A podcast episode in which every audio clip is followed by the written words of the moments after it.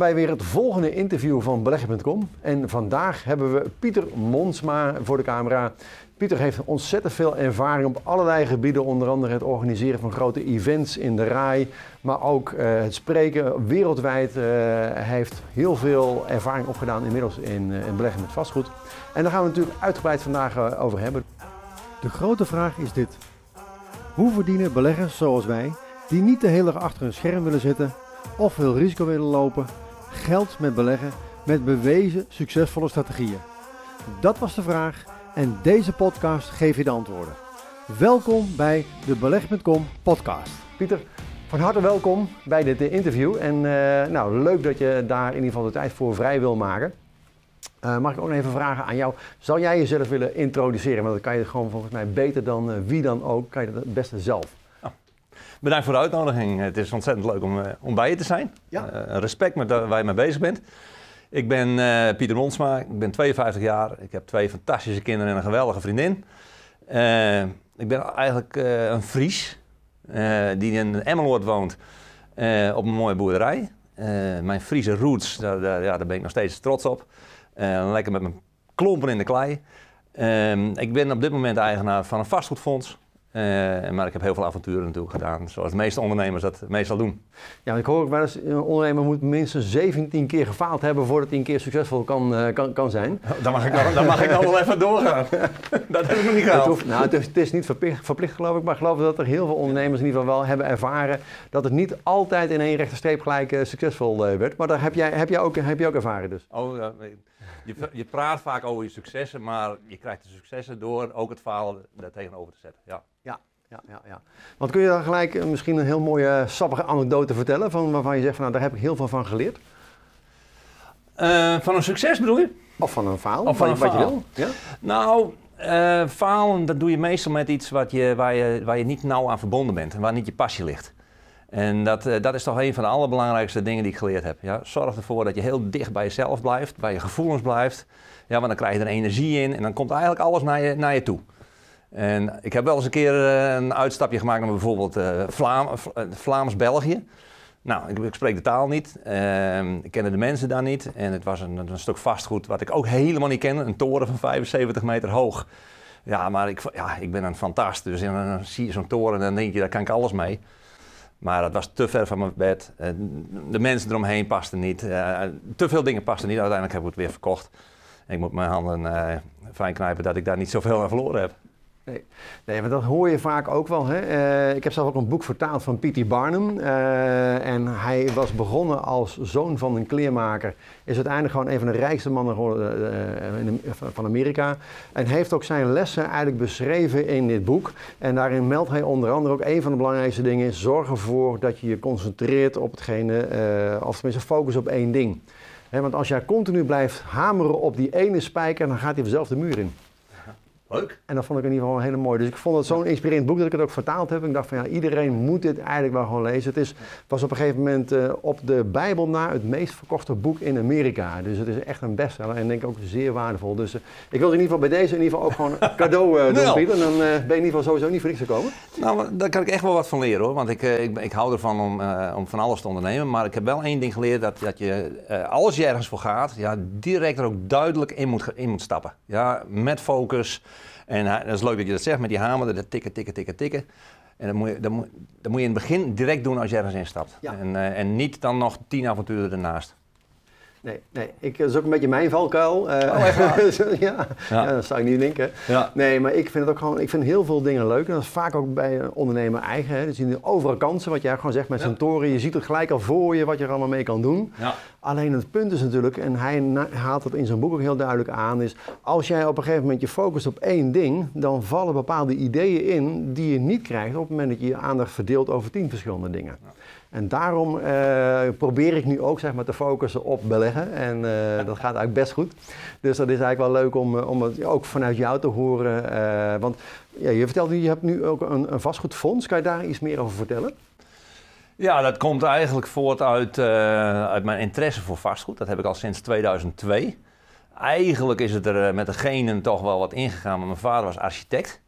Uh, die is helaas op heel jonge leeftijd overleden. En uh, mijn opa had een boerderij. Toen ben ik een boer geworden eigenlijk. Uh, ben ik 15 jaar boer geweest. Maar uiteindelijk ging het bloed toch daar waar het niet kruipen kon. En eh, toen heb ik mijn eerste vastgoed gekocht. En wat er gebeurde was dat ik, dat ik een vastgoedportefeuille bouwde met delen eigenlijk met mensen die mij tips gaven. Dat was erg leuk. Mensen die wisten wat ik zocht. Belden mij als ze iets, iets vonden. En ik ging erachteraan, ik kocht het dan en ik gaf ze dan tipgeld. En dat concept heb ik eigenlijk in een fonds gedaan, waarbij ik aan de ene kant een netwerk heb van tipgevers. We noemen dat sourcing partners, mensen die echt professioneel op zoek zijn naar vastgoed wat onder de marktprijs aangekocht kan worden. En daar is genoeg van, ook in Nederland. Um, en dat kopen wij aan. En dat kopen we aan met het geld van investeerders. En daar hebben we dus een fonds uh, voor opgezet. Great Capital Partners. Leuk, klinkt, klinkt goed. Maar ik begreep ook, het doel is met name ook om te kijken of je op die manier andere mensen kunt helpen die op dat moment door omstandigheden in problemen zijn gekomen. Waardoor je die mensen ook weer een uitweg biedt om uiteindelijk gewoon weer op een, op een eigen benen te kunnen staan. Het komt echt uit eigen ervaring voort. Ik heb een keer uh, een kerk gekocht en uh, nou, die kerk had een probleem dat ze verhuizen moesten. En ze zaten al drie jaar in onderhandeling, maar uh, uiteindelijk wilde dat niet lukken. omdat de buurman niet mee wilde verkopen. Die had een te hoge prijs voor zijn vastgoed. En de ontwikkelaar wilde eigenlijk beide kopen. Nou, iemand van het kerkbestuur kende mij persoonlijk. Dus die belt na de vergadering van het kerkbestuur en zegt: oh, Pieter, kun je ons helpen? Ja, we moeten volgende week moeten we de kerk verkopen, we moeten over. Uh, zou jij dat willen kopen? dus ik ben er de volgende dag geweest en ik heb een kerk gekocht. Uh, omdat ik ze hielp met, met tijd. Nou, ik had cash, ik kon het kopen, klaar. Maar wat het leuke is, wat daarna gebeurde, is dat ik naar die buurman ben gelopen, de, dag erop, en zeg van, goh joh, jij wilde dat steeds niet verkopen, eh, omdat de prijs te duur is, 800.000 euro. Ik zeg, maar dat is niet waard, het is 490.000 euro waard. En uh, hij zegt, nee, maar mijn boekhouder die zegt dat het 800.000 euro waard is. Nou, klaar. Ik ben elke, elke, elke 14 dagen ben ik even naar hem toe gegaan. Hij had een café, restaurant, een zalencentrum, een prachtig mooi uh, complex op een geweldige locatie. En toen, uh, na een jaar belde hij me. Hij zegt van, Pieter, zou je mij uh, geld kunnen lenen? Ik zeg, joh, wat is er aan de hand? Nou ja, ik moet volgende week vrijdag moet ik 20.000 euro aan de Belastingdienst betalen. Anders gaan ze het, pand gaan ze, uh, beslag opleggen. Dus ik zeg, kom eraan. weer dat kopje koffie bij hem gedronken. En ik zeg, ja, ik weet een heel leuk voorstel. En dat is dat ik je pand toch koop voor 490.000 euro. En jou die 20.000 euro leen. Hij zegt, nou, dat was mijn idee nu ook. Ik zeg, en je boekhouder dan? Hij zegt, ja, die heeft me alleen maar problemen bezorgd. Ja, ik ben zo blij dat ik nu van dat probleem afgelost ben. En tot op de dag van vandaag, dat is al tien jaar en ik heb er ondertussen een paar winkels in en er komt echt een fantastisch geld uit. Zijn we nog steeds goede vrienden. En hij doet nog steeds de catering bij mij. En, uh, een, een, oplossing, omdat je cash hebt. Nou, dat, en dat, dat doen wij nu in het Great Capital Partners. Wij, wij, wij hebben steeds cash en dan lossen we problemen op van huizenbezitters. En vooral huizen, omdat dat natuurlijk heel uh, degelijk is. Ja, want iedereen heeft een dak boven zijn hoofd nodig. Iedereen moet natuurlijk ook gewoon zorgen dat hij uh, ja, uh, kan overleven. Want zonder huis in het klimaat hier in Nederland, uh, dan, wordt het, dan wordt het gewoon niet. Hè? Dus daarom is het ook goed, vind ik gewoon, dat je op die manier probeert mensen die om welke reden ook in een probleem zijn gekomen, op die manier gewoon te helpen. En aan de andere kant, daar investeerders ook mee, mee te kunnen helpen. Want ik geloof ook heel erg in dat je waarde moet kunnen toevoegen aan een economie om er ja. vervolgens geld aan te kunnen verdienen. Duurzaam zijn, hè? Het is eigenlijk een soort van duurzaam zijn. Nou, dat, dat, dat is ook. Want ik denk, er zijn, je hebt ook wel investeerders die alleen maar gaan voor het gewin. Uh, maar ik denk dat dat over het algemeen toch een redelijk korte termijn uh, verhaal is. En ik geloof, uh, wat je ook gewoon vertelt, ja. als je op die manier gewoon vriendschappen erin overhoudt, ja. die meerdere jaren voort kunnen bestaan, dan ja, dan...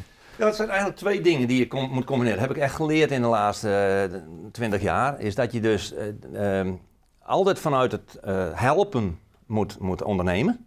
want er is altijd een oplossing voor een probleem nodig. Nou, als je dat steeds kunt bieden, dan, dan haal je de deal. Maar aan de andere kant moet je ook daadwerkelijk zakelijk blijven.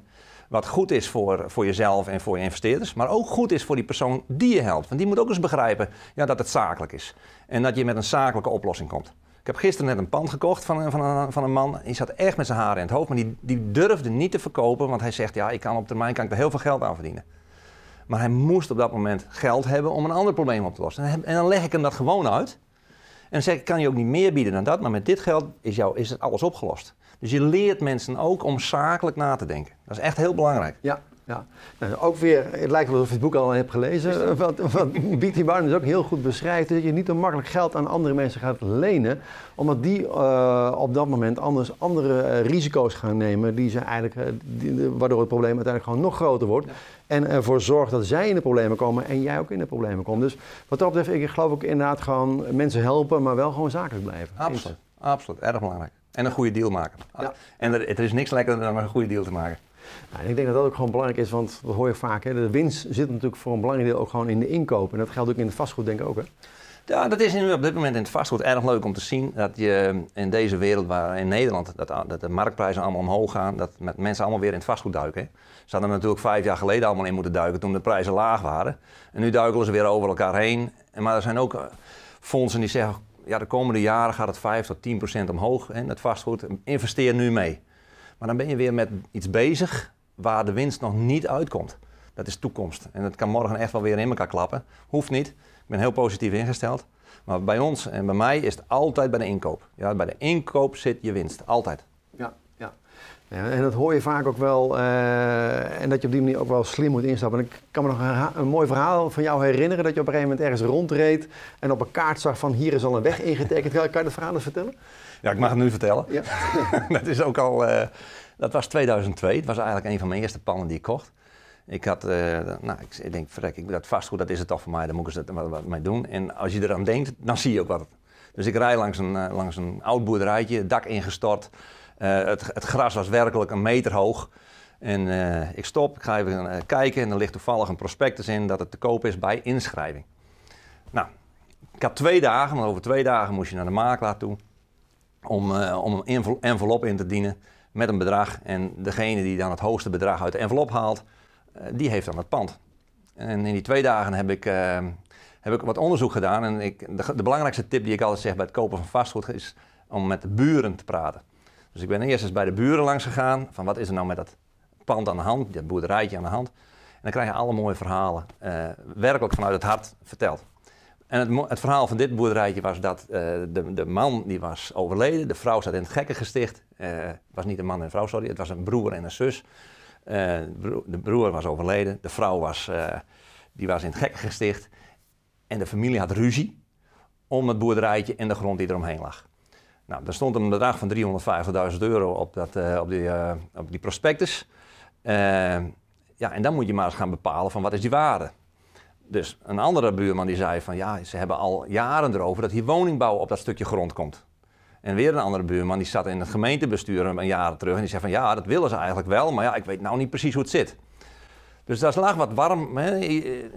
Dus ik kijk op een kaart op een gegeven moment, en in die tijd 2002 hadden we nog geen navigatie eh, in de auto, maar ik had altijd zo'n kaapje en routeplanner in de laptop. En ik zet het ding erin en ik, eh, ik kijk dat zo die locatie en staat daar in die KPN routeplanner dat cd'tje, cd-rommetje, een weg op ingetekend. Op dat stukje grond. Ja, met, met een bocht en weer terug. Verder niks. En het was alleen maar agrarische grond op dat moment. Hè. Er, liepen paarden op. Dus ik naar de gemeente toe en de gemeente vragen van, goh, dat stukje grond, zo ik zit te denken om dat te kopen. Zijn jullie daar iets mee van plan? Nou, natuurlijk niet. Hè. Er was niks, eh, geen plan op. Dan komen we in tien jaar zeker niet. Nou, uh, dan moet je maar een, eh, een bod uit gaan brengen. Uiteindelijk, ik denk, ik wil dat toch wel heel graag hebben. Stel je voor dat daar wel woningbouw op komt, hè, warm. Dus ik denk, ik gok toch een klein beetje meer dan dat 350.000 euro op die prospectus. Ik, ik zat ook na te denken, psychologisch, hoe gaan mensen daar mee, kijken? Uh, eh, 350, nou wat ga jij bieden? Nou, de een 325 en de ander 375. Als je het echt graag wilt hebben, misschien 378. Ja, en misschien als je heel graag wilt hebben, dan tegen de 4 ton aan. Maar puur omdat er een bedrag op stond, ga je daaraan denken. Ik heb anders gedacht. Ik heb echt van mijn boerenverstand heb ik, uh, gekeken naar 3,5 hectare grond. Wat is het nou eigenlijk waard? Wat is dat pandje waard als je dat weer zou los verkopen? En ik kwam eigenlijk op 400.000 eh, euro uit, dat, dat, dat je dat wel zou eruit kunnen krijgen. Dus alles tot 400.000 euro was oké. En daarboven was risico. Nou, ik denk, doe ik er nog een klein beetje risico bij. 418.000 euro. Nou, ik was was de hoogste. Ik kreeg het. En tien minuten later belt de gemeente mij en die zegt van... Goh, wij waren twee, maar we willen toch van je kopen. Ik heb voor 418.000 gekocht. Ik heb voor 1.050.000 euro verkocht. Zo. Want ze moesten er 40 huizen op bouwen. En dat was Ja. puur door, door regionaal onderzoek, even kijken, even met de buren praten. Maar, maar vooral ook de locatie en locatie. Ja. En boerenverstand? Ja, echt met de klompen in de klei. En kijken naar dat hoge gras eh, is een van de, van de mooiste dingen die ik altijd vind. Er moet veel onkruid en veel gras staan. Dan, eh, dan zit er een eh, opportunity in. Ja. Ja, ja, maar gewoon ook slim zijn. eh, niet in, eh, eh, het is geen hogere wiskunde, het is gewoon logisch nadenken. Eh, misschien ook een stukje geluk. Eh, dat je op dat moment even op die kaart keek en, en zag dat die weg ingetekend was. Maar vaak ook gewoon logisch nadenken. De boerenverstand gebruiken. Ik denk dat dat voor de meeste beleggers eigenlijk ook gewoon, eh, natuurlijk gewoon geldt. Is dat je op die manier eh, niet altijd probeert iets heel ingewikkelds te doen, maar gewoon logisch nadenken. Eh, en daar komt je boerenachtergrond natuurlijk ook wel weer eh, van pas. Hè? Dat je ook logisch leert nadenken. Ja, ik ben 15 jaar boer geweest en eh, dat, dat was logisch nadenken. Ik was op de achterkant van een sigarendoos alles uitrekenen. En dat doe ik nog steeds. Ja. En ik kan echt in het moment kan ik wel een, een berekening maken daar, op Ja. die manier. Ja. Ja.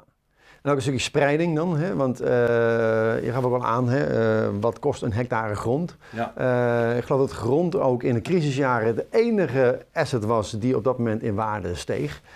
Want investeer je zelf ook, ook nog nu in, in landbouwgrond? Doe, doe je daar ook niets mee? Of zit je puur op... Nou, nou raak je een klein beetje een pijnpunt hoor. Sorry. Want ik had natuurlijk een, een boerderij met veel grond, maar dat was mijn passie niet. En toen op een gegeven moment denk ik van, weet je wat jongens, ik kies voor mijn passie en dat is toch met mensen omgaan. En eh, ondernemen, vooral ondernemen en met mensen omgaan. En dat deed ik, dat deed ik op de boerderij eigenlijk te weinig. In, de jaren 80, 90 was boeren heel anders dan dat het vandaag is. Hè? Eh, prijzen stonden altijd onder druk. Eh, mensen praten er ook redelijk, redelijk negatief over, over de gifpieper en zo. Dus ik vond het eigenlijk een negatief, negatief verhaal. En ik ben erg positief ingesteld. Dus ik heb besloten, ik doe de boerderij weg. Tenminste, ik doe de grond weg. Dat is niet iets voor mij. Nou, dat had ik natuurlijk nooit moeten doen, hè. Gewoon grond houden, verhuren. Ja, betere belegging kun je niet hebben. En dat heb je nou de laatste jaren kunnen zien. Hadden we, had niemand kunnen voorzien. Want in, voor 2008 was het natuurlijk stenen, stenen, stenen. En in die tijd leefde. Dus ik denk, ik ruil die grond om voor stenen. Nou, daar heb ik een lesje geleerd en die geef ik aan iedereen. Grond verbrandt niet, hoef je niet te verzekeren. Ja, en stijgt altijd in waarde. Het enige is, is dat met grond je vaak arm blijft. Want het rendement van verhuur is niet hoog. En daarom ook het spreekwoord van, van boeren. Boeren leven arm en sterven rijk. Nou, dat wilde ik absoluut niet. Dus vandaar dat ik eh, bezig ben met mijn ondernemen, mijn avonturen en dat ik van het leven geniet. Dus ik heb er echt geen spijt van. Maar ik heb er wel een les van geleerd. eh, investeren in grond is echt, echt goed op lange termijn. Ja, ja, ja. Want dat, dat kunnen ze ook niet bijdrukken. Hè? Want ik las vandaag Nee. weer in het eh, FD ook weer, de ECB die houdt de rente laag. Hè? Dus die blijft eigenlijk ook weer en geeft eh, banken ook weer de mogelijkheid om weer extra makkelijk geld te lenen. Dus het geld bijdrukken, ja. eh, En grond kun je, kun je bijdrukken. Nou, dat is wel leuk, want juist daardoor is die grond zo in waarde gestegen. Omdat dan dus het rendement hoger wordt dan het bankrendement. Want je krijgt toch een 1 tot 3 procent rendement over je grond. Nou, dat, als je geld in de kas hebt, dan, dan is dat prima, hè? Ja. Ja. En er is nu eenmaal ook gewoon tekort aan, aan, aan grond. Hè? Want er komen natuurlijk steeds meer mensen in Nederland. Er is een enorm tekort aan woningen. Hè? Dat veroorzaakt Ja. nu ook gewoon natuurlijk de enorme huizenprijzen Ja. die we enorm aan het, aan het oplopen zijn. Hoe kijk jij op dit moment tegen de Nederlandse huizenmarkt aan? Nou, dat zijn allemaal eh, natuurlijk eh, opportunities om daarmee eh, mee aan de hand te gaan. Hè. Het instedelijke, eh, het kopen van bedrijfspanden, omzetten naar appartementen. Dat, eh, ja, nou, dat, dat, dat er nu ook van, van de mensen die dat doen. Ik vind wel dat daar een beetje een, een, een, bubbel in komt. Eh, dat, dat iedereen daarvan geprofiteerd heeft en er nog van profiteert. Maar ja, door, door de econom, economie en door het tekort, denk ik toch wel dat het nog een aantal jaren door kan gaan. Ehm, je hebt ook het platteland en de steden. Een heel groot verschil. Ja, dus het is erg belangrijk om lokaal te zien waar die groeigebieden zitten. Die groeigebieden zijn, die kun je echt daadwerkelijk zien aan, aan de industrie die daar heerst en waar mensen naartoe trekken. Eh, hoog boven in Groningen bijvoorbeeld is het, is het lastig om, om iets met vastgoed te doen, heb ik het idee. Maar de steden, het, het Groningse bijvoorbeeld, de steden eromheen, en dat, dat, gaat wel weer erg goed. Ja, de komende jaren, ik denk dat, eh, dat vastgoed erg goed blijft. Wat, zijn jouw, eh, wat is jouw samenvatting eigenlijk van als je nu kijkt naar de Nederlandse situatie? Waar zou je wel investeren, waar zou je niet investeren? Eh, Sowieso, als je geld hebt, hè, dan, dan diversificeer je het. En eh, ik zou ook niet alleen in vastgoed investeren, eh, omdat die bubbel er ook wel weer aankomt. En zeker in Nederland. Ik denk dat er veel overprijsd is. Ehm, woningen is een tekort aan. Hè? En daar moet je naar kijken naar het tekort zijn. Ja, waar is er een tekort aan? Locatie, locatie blijft altijd belangrijk. Dat zie je maar weer met Amsterdam, waar het weer drie keer over de kop is gegaan in de laatste uh, vijf of tien jaar. Ehm, dus locatie is belangrijk. Uh, wonen is belangrijk. Je ziet natuurlijk wel dat commercieel vastgoed omhoog gaat, maar dan moet je ook de banken mee hebben. En de banken zijn volledig tegen. Commercieel vastgoed, dat, dat zien ze niet zitten. Nou, je moet wel die opportunity daarin blijven zien. dat kan niet met dat geld, dan moet je het misschien met ander geld doen tegendraads blijven denken vind ik altijd interessant. Hè? Als je denkt, dat is een ander, of als de hele gemeenschap denkt er zit niks in, dan moet je juist je oren spitsen. En dat is ook zo met het vastgoed vinden. Ja, als, je, als je het ziet waar de meeste mensen omheen lopen, dan moet jij er maar eens even inlopen. Nou, dat, zo kijk ik naar vastgoed. Ja, ja, ja. En dan inderdaad ook gewoon spreiden. Want uh, als je één huisje hebt en dat ene huisje loopt dan net even niet. Uh, dus misschien ook gaan kijken naar een portefeuille. En misschien ook ja. gebruik maken van de kennis en expertise van, van, van uh, mensen die daar de hele dag mee bezig zijn. Daarom heb ik ook een fonds gemaakt. Um, kijk, ik, ik, ik, ben, ik ben in contact gekomen met iemand in Engeland. Die was dat was de grootste landlord van Wales, Zuid-Wales meer dan 1500 woningen, woningen had hij in, bezit. Allemaal kleine woningen van rond 100.000 euro. En uh, die had juist die spreiding heel erg goed. En die kon al die recessies ook gewoon door, doorkomen in de laatste 20 jaar. En dat, daar heb ik een les van geleerd. Van ja, dat moet je doen. Ja, kleine units allemaal kopen. Alleen als je dat als particulier wil doen met je geld en je hebt daarnaast een baan of je hebt een bedrijf, ja, dan kun je daar niet op focussen. Dus je moet dan eigenlijk een fonds zoeken of je moet iemand zoeken waar je mee in participeert ja, waarin de spreiding een, uh, heel belangrijk is. Nou, dat hebben wij opgezet voor, uh, voor investeerders. Dat wij ook, dat eigenlijk het model van, van die, die, die, landlord, dat we die in een fonds hebben geplaatst. En daar gaan wij de komende vier jaar duizend woningen mee kopen. Allemaal kleine woningjes die allemaal goed verhuurd kunnen worden, waar allemaal een goed rendement op zit. en daarbij, die allemaal bij de aankoop ver onder de marktprijs worden aangekocht. En dat is belangrijk, want daar hebben we het net over gehad. Daar zit de winst. Ja, een beetje zoals Warren Buffett, hè? die zegt ook gewoon: je verdient het geld door aandelen te kopen die eigenlijk ondergewaardeerd zijn. Daar ga je het aan verdienen en uh, de beleggingshorizon is dan in principe oneindig. Ja. Want ik kan me ook nog herinneren, uh, ook een mooie anekdote die je ooit een keer vertelde over een pannenkoekenboerderij die je had, uh, had gekocht. Over, die had ik nooit moeten verkopen. Nee. misschien, misschien, kan je dat nog vertellen in, in de zin van, van hè, hoe belangrijk is cashflow voor een, voor een belegger? Oh, nou, dan, dan noem je iets cashflow. Cashflow is echt het allerbelangrijkste. Ik heb ook een heel groot project gekocht in, in Costa Rica. Ja, ja ik, ik ben een dromer en ik kwam daar iets tegen en ik heb echt een fantastisch, een vliegveld zelfs. Alleen de recessie kwam, ik heb het in 2007 gekocht, de recessie kwam en daar kwam geen cashflow uit. Nou, ik ben er bijna failliet gegaan, dat is echt waar. Uh, ik heb het laten liggen, ik ben, ik ben blijven focussen op de kracht. Maar ik ben ook blijven focussen op, uh, op cashflow vanaf dat moment. Want als je cashflow uit je portefeuille kunt halen, dan ga je nooit failliet. Nou, dat uh, was bijvoorbeeld met dat pannenkoekrestaurant. Dat had een fantastische cashflow potentie. Uh, maar ik zag de korte, win, korte termijn winst in. Ik, ik ben eigenlijk altijd een, een flipper geweest. Hè? Kopen, verkopen, kopen, verkopen. Het was een restaurant op de juiste locatie. Ja, in Apeldoorn, bij Eerbeek, aan een kanaal met, met fietsroutes eromheen. Een pannenkoekrestaurant waar ik geen verstand van had. Harm, dat is ook erg belangrijk. Ik had er geen verstand van.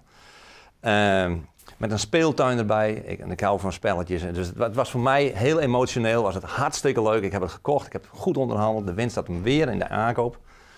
En er kwam dus, uh, het werd aangeboden voor 6,70. Ik kocht het voor 5,25. Ik heb het weer voor 6,70 verkocht, drie weken later. Fantastische winst. Ja, geen spijt van. Top. Maar ik had ook voor een ton per jaar kunnen verhuren. Want een pannenkoekrestaurant op een juiste locatie is cashflow dat heb ik pas twee jaar later daarna uh, geleerd van een, uh, van een echt een goede ondernemer die daarin in zat. En die zegt, Monsma, Monsma jongen, je had goud in handen. Cash van pannenkoeken moet je nooit wegdoen. Nee. Nou, een les. Dus cashflow is ook, ook bij ons in ons, in ons bedrijf ontzettend belangrijk. Dus van de drie woningen die wij kopen, is het ook zo dat we eentje nu in de verkoop weer doen. Dus dat doen we flippen. En twee, die houden we voor die cashflow. En daar moet minimaal een, een rendement op zitten van 10,5%. En uh, daar selecteren we dus steeds op. Dus al die lessen, dus leuk dat je dat zegt, al die lessen die we hebben geleerd, die, die, die zetten we nou weer om in de praktijk. Want hoe is jouw visie eigenlijk op op dit moment duurzame energie? Want je ziet ook heel veel zonnevelden ontstaan op dit moment. Hè? Die is ook, waarbij landbouwgronden ook worden gebruikt om op die manier ook cashflow te genereren met, uh, met, met zonne-energie. Hoe, kijk je daar tegenaan? Ja, het is onvoorstelbaar hoe de wereld kan veranderen. Hè? Uh, vroeger had je, had je landbouwgronden en daar uh, zat je op te ploeteren met je handen. En nu zet je er zonnepanelen op en je verdient twee keer zoveel. Echt on ongelooflijk. Maar ja, het is wel een opportunity voor mensen die die posities hebben. En daarom zie je boeren op dit moment echt rijk worden. Um, maar, met duurzame energie moet je ook weer kijken naar uh, hoe je er als ondernemer aan kunt verdienen. Ja, het is niet alleen maar dat uh, het negatief is in de, in de wereld. Mensen zien het wel eens als van, nou, dat is duur en dat is moeilijk en uh, god, moeten we met z'n allen doen. Nee, je moet er als ondernemer naar kijken dat daar juist opportunities in liggen, dat je daar geld mee kunt verdienen. Nou, zonnepanelen, hoeveel, hoeveel jobs zijn er wel niet mee gecreëerd en hoeveel bedrijven zijn er weer niet ontstaan. Dus ik zie duurzame energie als een uh, opportunity voor de toekomst. Uh, of dat is nou in het vastgoed, of met grond, of als ondernemer die een, een heel mooi idee heeft. Ja, maar ook een noodzaak, want we moeten uiteindelijk gewoon af van natuurlijk gewoon de fossiele brandstof en naar de duurzame energie toe. Wat denk je van die jeugd die op dit moment ja, ondernemend is? Die heeft alle kansen ja, om, om nieuwe bedrijven op te zetten. Het is een, een fantastische tijd voor ondernemers op dit moment, jonge ondernemers. Ja, die creatief zijn en die bijvoorbeeld in, in de hele duurzame eh, energie eh, iets kunnen creëren. Nieuwe ideeën. Ja. Dan zie je het aan die Elon Musk. Hè? Dat is geweldig hoe, hoe, hoe die dat doet. Nou, mijn zoon, ik zie mijn zoon ook heel erg gemotiveerd door alle mogelijkheden die hij om zich heen ziet. Het punt is wel dat je een keuze moet maken. Dat je een keuze maakt voor wat, wat je echt gaat doen en wat je zegt, hamertje tik, ja, op die spijker blijven tikken. Ja, ja want het voordeel is dat er heel veel keuzes zijn. Het nadeel is dat er heel veel keuzes zijn. Ja, dat klopt. En je moet daar natuurlijk wel, denk ik, gewoon heel duidelijk in. in, in, in uh, en daarom, uh, je, je hebt ook heel vaak als de passieboer. Hè, dus uh, hoe ontdek je je eigen passie? Kun je daar misschien nog iets, iets over zeggen? Welke hamer pak je, welke spijker pak je? Leuk dat je daarover begint, want een van de dingen hè, wat ik tegen je gezegd heb is delen. Ik hou ervan van delen, altijd. En naast mijn ondernemen in mijn vastgoedfonds doe ik altijd nog coaching erbij. Ik, ik, ik, coach ondernemers, jonge ondernemers, maar ook, ook, ook, ondernemers die al lang in het vak zitten. En meestal uh, coach ik op keuzes maken. Nou, een van de dingen, passieboer word ik genoemd, of ben ik. Uh, ik, vind dat, dat, dat de kracht uit iets moet halen. Ik was geen boer, dat was niet mijn passie. Maar ik noem mezelf wel de passieboer, want daar komt natuurlijk heel veel gevoel vandaan. Uh, wat je geleerd hebt. En alles wat je geleerd hebt kun je delen met een ander. En een van de dingen die ik het, waar, waar, ik het in, in, teruggebracht heb, in een metafoor, is het trekkerspoor. Het trekkerspoor uh, van het leven. Want iedereen heeft een trekkerspoor. Dus dat betekent dat als jij je focust op je passie, en die ook kan onderscheiden, dan komt alles naar je toe. Ik geloof echt dat, dat het leven voorbestemd is niet op een spirituele manier, maar gewoon dat het leven alles heeft wat voor iemand leuk is. En wat iemand gelukkig maakt. Alles is er. De meeste mensen echter rijden niet op dat spoor, maar die rijden de hele tijd eromheen. En die zijn op zoek. En op het moment dat ze dat spoor kruisen en zien dat het iets heel erg moois is, bijvoorbeeld dat ze iemand tegenkomen als jij, die zegt moet je niet eens kijken, die, die doet precies wat hij leuk vindt. Oh ja, dat is ook wat ik leuk vind. Had ik de tijd maar. Ja, had ik het vroeger maar gedaan? Of misschien doe ik het later wel. En dan kruisen ze eigenlijk hun eigen trekkerspoor. Gaan weer de hele wereld af, maken slalom. Nu dan komen ze weer op de trekkerspoor, maar maken die keuze niet. Dus ik leer mensen om een keuze te maken wat bij hun past, wie ze zijn. En op het moment dat ze daarin zitten, echt, dan vliegen ze. Komt alles naar ze toe. En dat kan een keuze zijn in het ondernemen, het kan een keuze zijn eh, privé. Maar dat is prachtig om te doen. Ja, trekkerspoor. Ja, maar ik denk dat het wat dat betreft gewoon heel belangrijk om gewoon goed te luisteren naar, naar ja, wat vind je leuk om te doen? Uh, waar, waar, uh, wat, wat, wat, wat, zou je daar ook voor lessen kunnen trekken uit een, uh, voor, voor een belegger, zeg maar? Wat, wat, wat? Nou, een, bele een belegger. Ik, ik, ik, heb heel veel presentaties met beleggers hè, en met vermogensbeheerders. En, en elke keer kom je erop uit dat het menselijk is. Mensen moeten zich vrij voelen. Ja, dus met datgene waar ze in beleggen, ook daarin moeten ze uh, het gevoel hebben van vrijheid. Nou, en vrijheid betekent geen stress. Ja, en die twee liggen vaak heel dicht bij elkaar. Dat mensen graag ergens in willen beleggen met een heel hoog rendement, wat niet bij hun past, wel doen en daar stress aan overhouden. Nou, dat moet je dus gewoon niet doen. Dus spreid altijd als belegger. Daar mag best eentje zitten wat wat stress oplevert. Maar dat doet het niet als je daar nog negen anderen naast hebt ja, die er heel veel plezier op hebben. Ja. Want vaak zie je natuurlijk beleggers, hè, die rennen natuurlijk gewoon van, van, uh, van Japan naar de bitcoin en, oh, en continu achter allerlei hypes aan. Uh, hoe kijk jij daar aan als, als Doe het boer, bewust, zeg maar? Doe het bewust. Ja, ja als boer, ja. ja. Uh, kijk, als, ik, als, als, het, als de zon schijnt, dan moet je op het land zijn. Ja, nou, dat moet je ook doen. Maar uh, op dit moment schijnt de zon natuurlijk overal en moet je keuzes maken en moet je niet alle kanten op, op, oprijden. Dus als je dan iets doet wat, hè, wat, wat met beleggen te maken heeft, dan moet je bewust keuzes maken en dan mag je bewust in bitcoin stappen. Snap je? Als je daarnaast maar negen dingen hebt waar je ook bewust in gestapt bent, waar je rendement uit haalt. Dat je daadwerkelijk ook gesaved bent ja, door de keuzes die je hebt gemaakt. Dus prima dat je natuurlijk in, in, in nieuwe opkomende economieën stapt. Ja, ik ben ook altijd een pionier geweest. Maar ik heb wel geleerd, en rustig aan, daarnaast, zorg dat je altijd die basis blijft houden. Ja, dan wordt het leven ook nog een klein beetje spannend als je daar iets extra's bij doet. En dan geniet je daar eigenlijk van. Dus niet al je eieren in één mandje, zorgen voor spreiding. Uh, en misschien ook, zoals Robert Kiyosaki zegt, zorg ervoor dat je gaat spreiden over als ondernemer uh, je eigen assets en natuurlijk gewoon vastgoed. Hè. Dat, eigenlijk, dat zijn een beetje de drie uh, pilaren waarop je je totale vermogen eigenlijk moet, moet inkleden. En als er dan eentje even tegenvalt, word je niet gelijk nerveus. En wat je zegt, focus op cashflow, denk ik. Hè? Een cashflow en cash ook. Hè. Zorg ook dat, dat je altijd wat cash over hebt voor het moment dat het eens een keer wat minder gaat. En dat heeft mijn moeder mij nog altijd geleerd. Die zegt, uh, zorg ervoor joh, dat je daar even een potje neerzet. Je weet niet hoe het in de toekomst gaat, Pieter. Ik word het er nog zeggen. En dat is een, echt een grote les geweest. Ja. ja want wij zijn als ondernemers allemaal enthousiast en we zien allemaal kansen. Maar zorg ervoor dat je iets opzij hebt liggen ja, voor het moment wat hopelijk nooit komt. Nee, nee, even een appeltje voor de dorst. Ja, rust. Ja, ja, want dat geeft denk ik ook wel rust inderdaad. Dat je op die manier gewoon weet van uh, ik kan wat spannende dingen doen. En ik heb altijd in ieder geval nog iets om op terug te vallen. Nou ja, ik, ik ben in de, in de situatie gekomen dat ik, van, uh, dat ik heel snel miljonair was. En uh, dat je dan heel veel geld hebt waar je mee, mee aan de gang kunt. Toen heeft iemand mij ook een advies gegeven. Die zegt van ja, pas op dat het geld jou niet gaat leven. En dat, dat, weet, dat weet ik nog steeds. Het heeft mij net niet geraakt omdat ik er boven sta, omdat ik echt, kijk naar wat ik doe en dat ik bewust ben wat ik doe. En ik heb echt geen spijt van dingen die ik doe, omdat ik heel erg goed in mijn vel zit.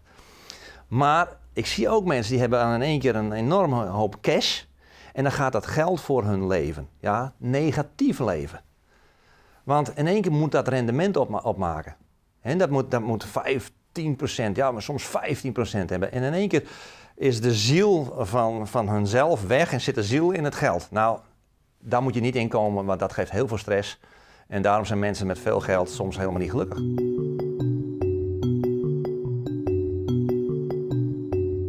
Uh, Pieter, welke uh, kansen en welke ontwikkelingen zie je op dit moment waar je als belegger op zou kunnen inspelen? We hebben al heel kort even gehad even over duurzame energie. Maar welke trends en ontwikkelingen zie je op dit moment nog meer? Dat is een hele mooie vraag. En omdat ik toch een beetje dat pioniersgevoel heb, kijk ik daar heel erg naar.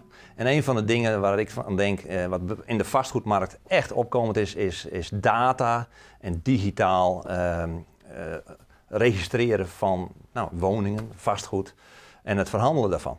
Ik denk dat de hele wereld in, eh, in vastgoedland gaat veranderen. We leven echt met vastgoed in de middeleeuwen. Meen ik serieus, als je met een uh, notaris praat of een, of een makelaar praat, alsof je 100 jaar in de tijd teruggaat. En daar gaat het denk ik in de komende 5 tot 10 jaar een enorme verschuiving komen voor die mensen die die, die, die potenties zien in, in data en digitale optimalisering. Ja, dus ook wellicht gebruik maken van de blockchain-technologie om met smart contracts vastgoed uh, vast te leggen in plaats van via het kadaster? Ja, uh, blockchain, uh, denk ik dat, dat een vorm van blockchain in het vastgoed absoluut gaat komen. Wat ook alles gaat veranderen. Hè. Het, de smart contracts. Nou, als die smart contracts natuurlijk straks in die air zitten, dan kun jij straks een woning uh, in een paar seconden overzetten. Ja, zodat je ook gewoon goed weet welk pand levert hoeveel op, uh, hoeveel kosten zijn er gemaakt, zodat je op die manier ook... Ja, maar dat hebben wij nu. Hè. Wij, hebben, wij, wij hebben een applicatie en apps zijn alweer een jaar of vijf tot tien jaar oud. Maar wij hebben een applica applicatie gemaakt voor onze sourcing partners. Nou, dat is al baanbrekend. Sourcing partners die gaan het veld in, die zoeken vastgoed op.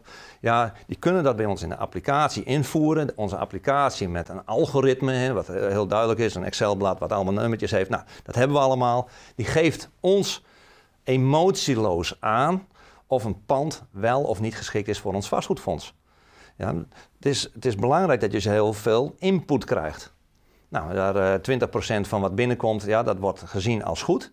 Dan gaan we dat checken, controleren, valideren en dan kopen we dat. Maar daarin doen wij al, al ons best om dat steeds meer te digitaliseren. Applicatie, op de vloer, in de auto, kijken. Net zoals ik dat boerderijtje ooit gekocht heb. Ja, eventjes intikken. Hé hey, ja, dit, is, dit past wel in mijn model en dat past niet in mijn model. Het gaat steeds sneller. Ja. En dat leveren wij dus ook aan sourcing partners. En ik denk dat sourcing partners, misschien wel een leuk verhaal. En sourcing partners zijn in Engeland heel erg normaal. In Engeland zie je ook die, die, die programma's op televisie, in Nederland ook. En dan kijk je daarna en dan zie je mensen een huisje opknappen en dan moet dat weer verkocht worden. Dat is in Engeland eigenlijk een stap verder dan in Nederland. In Nederland ja, zijn er aan sommige mensen zelf mee bezig, maar is er niet een vak sourcing partner. Nou, dat hebben wij in Engeland geleerd. Wij, wij investeren heel veel in Engeland, Zuid-Wales, omdat daar een grote markt ligt. Over Brexit gesproken, dat geeft ook een opportunity. Uh, maar die sourcing partner, dat vak, dat gaan we helemaal uitbouwen door Europa. Uh, met, met een app-applicatie. En we maken eigenlijk straks een vak in Nederland dat iemand bij ons sourcing partner kan zijn, pandjes kan zoeken die onder de marktwaarde zijn. Zij worden ervoor betaald, en wij krijgen het pandje en de investeerder heeft een hoog rendement. Ja, en dan volgens hetzelfde model, je koopt er drie, uh, Je knapt het op. Eén wordt verkocht voor de cashflow. En twee worden toegevoegd aan, het, uh, aan, aan de totale portefeuille, wat weer cash genereert. Ja, dat klopt. En op de, dus uh, we kopen drie pandjes. Altijd woningen. Losse woningen, appartementen, vrijstaand of, of, of gewoon in, in, een rijtje. dat levert een bepaald rendement op in de verhuur en een rendement op in de flip. Van de drie verkopen we er twee. sorry, van de drie gaan we er twee verhuren, één verkopen. Het totaal gemiddelde rendement delen we met de investeerder. Ja. Nou, super safe, super safe. Ja, en volgens mijn beproefd model, bewezen methode, waarbij je op die manier ook gewoon weet van nee, ik heb een aantal vragen, ik moet een checklist afwerken. Uh, voldoet het eraan? Dan gaan we verder kijken. Voldoet het er niet aan? Nou, eigenlijk wat, wat je ziet, Harm, is dat de meeste uh, vastgoedbeleggers en vastgoedinvesteerders, uh, die doen allemaal hetzelfde. En ze doen alles lokaal. En de meesten die zeggen ook van ja, laat mij maar gewoon in, in Zuid-Rotterdam zitten. Daar ken ik de buurt. Ja, daar koop ik mijn pandjes. En de andere doet het in Groningen en de andere doet het in Amsterdam. En iedereen is lokaal bezig. En niemand heeft dat gevoel van hé, hey, laten we dit eens schaalbaar maken. Nou, daar zitten wij nu. We maken het schaalbaar doordat het digitaal mogelijk is. Om al die lokale mensen ja, op een platform te krijgen. Door een app ja, door die gegevens die overal ter wereld hetzelfde zijn. Hè, want als je het uitrekent, rendement, of je het nou in India koopt, of in Dubai of in Nederland, je denkt altijd aan dezelfde getallen en berekeningen. En zo kun je dus lokaal de expertise hebben, want dat heb je uiteindelijk altijd nodig. Altijd lokale expertise. Maar zo kun je wel globaal ja, een schaalbaar model opzetten. En wat Warren Buffett altijd gewoon zegt, is koop hè, met een margin of safety. Hè. Ja. Ga kijken wat is de waarde en uh, betaal niet meer dan een, uh, een, een 20, 30 procent uh, onder zeg maar, de waarde, zodat je een buffer hebt. Een van de digitale hè, algoritmes die we hebben is dat we de woning kopen 30 tot 50 procent onder de marktwaarde. En dan zeggen sommige beleggers, die zeggen dat is toch niet mogelijk? En het gebeurt elke keer weer. Ik heb gisteren nog een huis gekocht in Hendro, Hendrik Ido Ambacht. Dik 40% onder de marktwaarde. Omdat je namelijk een probleem oplost. Nou, daar focussen we op. We focussen op 30 tot 50% onder de markt. En dan kom je die recessie eens een keer tegen. Nou, dan gaat een prijs een keer 10, 20% omhoog van het, uh, omlaag voor het vastgoed. Geen enkel probleem. Dat kun je altijd opvangen. En zolang je maar voldoende cashflow hebt en je hebt goede huurders. Want, want uh, focus je daar ook op dat je degene die zeg maar, de huur gaan betalen, uh, dat je daar ook selectief in, in, wordt? Ja, wij verhuren dus de twee derde van onze portefeuille. Een derde verkopen we. Uh, wat we zien in Engeland bijvoorbeeld is dat er 7% uh, van de 7% tekort is aan huurwoningen. 7%, dat is een hele hoop. Hè? En er wordt maar 1% per, per jaar wordt erbij gebouwd. Nou, dan kun je je voorstellen hoeveel potentieel er is. Er staan in Engeland 500.000 huizen leeg omdat mensen niet gemotiveerd worden ze te kopen. Want dat brexit, er is een demotivatie. Ja? Nou, voor ons als Nederlanders met een lage pond enorm interessant om daarin te duiken. Hele hoge huur, lage aankoop, nou, dan kun je het rendement wel voorstellen. Wat zou je particuliere beleggers nog mee kunnen geven die eh, zich willen gaan verdiepen in, in, in vastgoed? Nou, sowieso, doe wat met je geld. Uh, investeer in datgene wat je uh, een vrij gevoel geeft. dus geen stress. diversificeer. maar ik heb bijvoorbeeld een leuk verhaal over een jongen die was heel jong. Heeft een huis gekocht een paar jaar geleden. En nou, twee, drie ton had hij over. Maar had ook nog belegd in wat, wat van het coins. Dus hij had echt een paar ton in één keer. en die besliste ook snel. En dat is, dat is iets wat ik altijd gezien heb en wat ik ook altijd doe. Ja. Als je iets ziet wat je leuk vindt, investeer dan ook, maar doe het ook snel. En de meeste particulieren, en dan hebben we het echt over particulieren, die moeten daarover nadenken. Die denken nog een keer na, dan denken ze nog een keer na en dan denken ze, had ik het maar gedaan. Uh, de meeste succesvolle mensen en ondernemers zijn snelle beslissers. En als ze besloten hebben, dan gaan ze daar heel langzaam weer vanaf. De meeste onsuccesvolle mensen zijn mensen die beslissen heel langzaam. En op het moment dat ze besloten hebben, dan zeggen ze van, oh nee, het is toch niet goed, ja, laat ik maar weer uitstappen. Nou, dat, is, eh, dat, dat zie je veel bij particulieren. Ja, die hebben die ervaring niet eh, om op die manier te beslissen. En dat, dat adviseer ik ze. Ja, als je het ziet wat je goed is, wat goed voelt, ja, check het even met iemand die er verstand van heeft. En maak dan een snel een beslissing. Ja. Een kans komt echt altijd maar één keer voorbij. Gelukkig zijn er wel heel veel kansen. Ja. ja. Nee, ik denk dat er ook voor, voor particuliere beleggers op de aandelenmarkt op dit moment ook gewoon ontzettend mooie, mooie kansen zijn. Ja. Waar, waar, zou je, als jij nu eh, je aandelenportefeuille zou moeten verzamelen, waar zou je die uit laten bestaan? Nou, ik moet eerlijk zeggen, ik heb drie jaar lang heb ik in, uh, in aandelen belegd. Fulltime bijna. Dat is, een, dat is echt jaren geleden, nog in, in 1900 jaren geloof ik. En toen heb ik me daar helemaal toegelegd om, um, om daadwerkelijk de keiharde cijfers te, te, vinden. Ik had dus een boekje, dat heette De 10 tips van de 10 meest succesvolle beleggers. Ik ben helaas het boekje kwijt, dus als iemand weet welk boekje dat was, dan wil ik hem heel graag weer terug hebben. Maar ik heb die 10 tips van die 10 beleggers, die heb ik allemaal op de 25 AEX aandelen uh, gespiegeld. Ik heb echt een week of twee weken heb ik daaraan gezeten, in Excel gezet. En de koers-winstverhouding van een bedrijf en, en, en alle gegevens die het management, allemaal een cijfer gegeven. Ik ben echt van de algoritmes. Ja, dus algoritme geven, cijfertje geven, waardering geven en uiteindelijk heb je dan een waardering van 25 fondsen. Dat was mijn systeem en, en mijn strategie. En ik denk ook dat dat een advies is voor een particulier. Volg je eigen strategie en hou je daaraan vast. Nou, van die strategie ben ik de 10 beste aandelen die eruit voortvloeiden, ben ik gaan kopen. Ja, en zelfs de bank die zat van hoe heb, je, hoe heb je het uit kunnen rekenen dat dat nou juist de tien beste waren. Nou, is even goed over nadenken. Ja, en, hoe uh, slimheid weer? Ja, heel simpel. Het is echt heel simpel. Nou, en, maar ook weer delen. Hè. Als je heel veel dingetjes deelt, dan kom je eigenlijk altijd weer terug op het gemiddelde. En dat is meestal wat het ook is.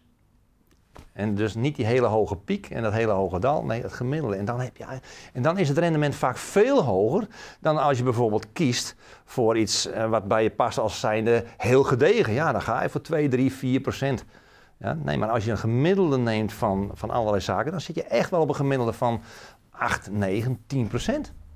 En dat is het verschil ook wat ik zie tussen uh, particulieren en bijvoorbeeld uh, family offices. Nou, family offices zitten in een totaal andere sfeer te denken met investeren. Die hebben natuurlijk nou, 10, 20, 100 miljoen hebben ze in een potje en daar moet rendement op gemaakt worden. Die mensen gaan gewoon uit van 15% plus. Daar, daarbij gezegd is dat de aandelen in de AIX, ja, aandeelhouders er ook van uitgaan van 15% plus. Want dat is, dat is eigenlijk wat een bedrijf moet doen. En op die manier selecteren zij weer hun kansen. Nou, zo zou eigenlijk een particulier ook moeten denken van, goh, wat zijn nou eigenlijk de kansen? En zet, zet die lat maar eens even wat hoger, maar ga dan wel weer verdelen. Ja. ja. Ja, maar mooi dat je zegt, je moet een systeem hebben en hou je aan je systeem. Je moet eens kiezen wat gewoon bij je past. Want als je iets gaat doen wat niet bij je past, dan gaat hem ook niet worden. Klopt. Dus belangrijk, uh, ik heb bijvoorbeeld ook gewoon software ervoor ontwikkeld, waarbij je dus objectief groene en rode pijlen krijgt. Daar zit ook heel veel uh, denkwerk in. Ja. Uh, en uiteindelijk is het gewoon een kwestie, daarna is het niet meer zo heel erg ingewikkeld om te volgen. Nee. En ik denk dat dat ook in ieder geval ook wel belangrijk is. En emotieloos. Ja, het is, dit, je mag wel emotie hebben voor wat je doet. Dus stel je voor, je hebt een heel mooie strategie bedacht voor jezelf. Ja, dat heb ik ook. Ik, ik, ik, bedenk een strategie en daar hou ik me heel erg aan vast. En dan geniet ik van die strategie. Maar ik beslis niet emo met emotie. Nee, ik laat een strategie dus laat ik beslissen. En dat doe jij dus ook, uh, Harm. Ja. Je, ma je hebt iets gemaakt, je geniet je van. Want het is altijd leuk om jou te zien dat jij altijd zo geniet van wat je doet.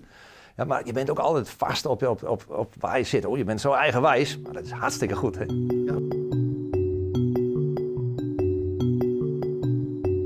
Pieter, ontzettend bedankt voor eh, de tijd die je hebt willen vrijmaken voor het interview. Eh, om dit te kunnen delen met de beleggers van, uh, van. Harm, het was een hele eer. Ja, bedankt voor de uitnodiging. Ik heb ontzettend veel respect voor jou. Ik ken je ook al een jaar of tien. En je bent altijd positief en je gaat altijd door. En je bent super eerlijk. Altijd leuk om hier nou bij jou in in de studio te zitten.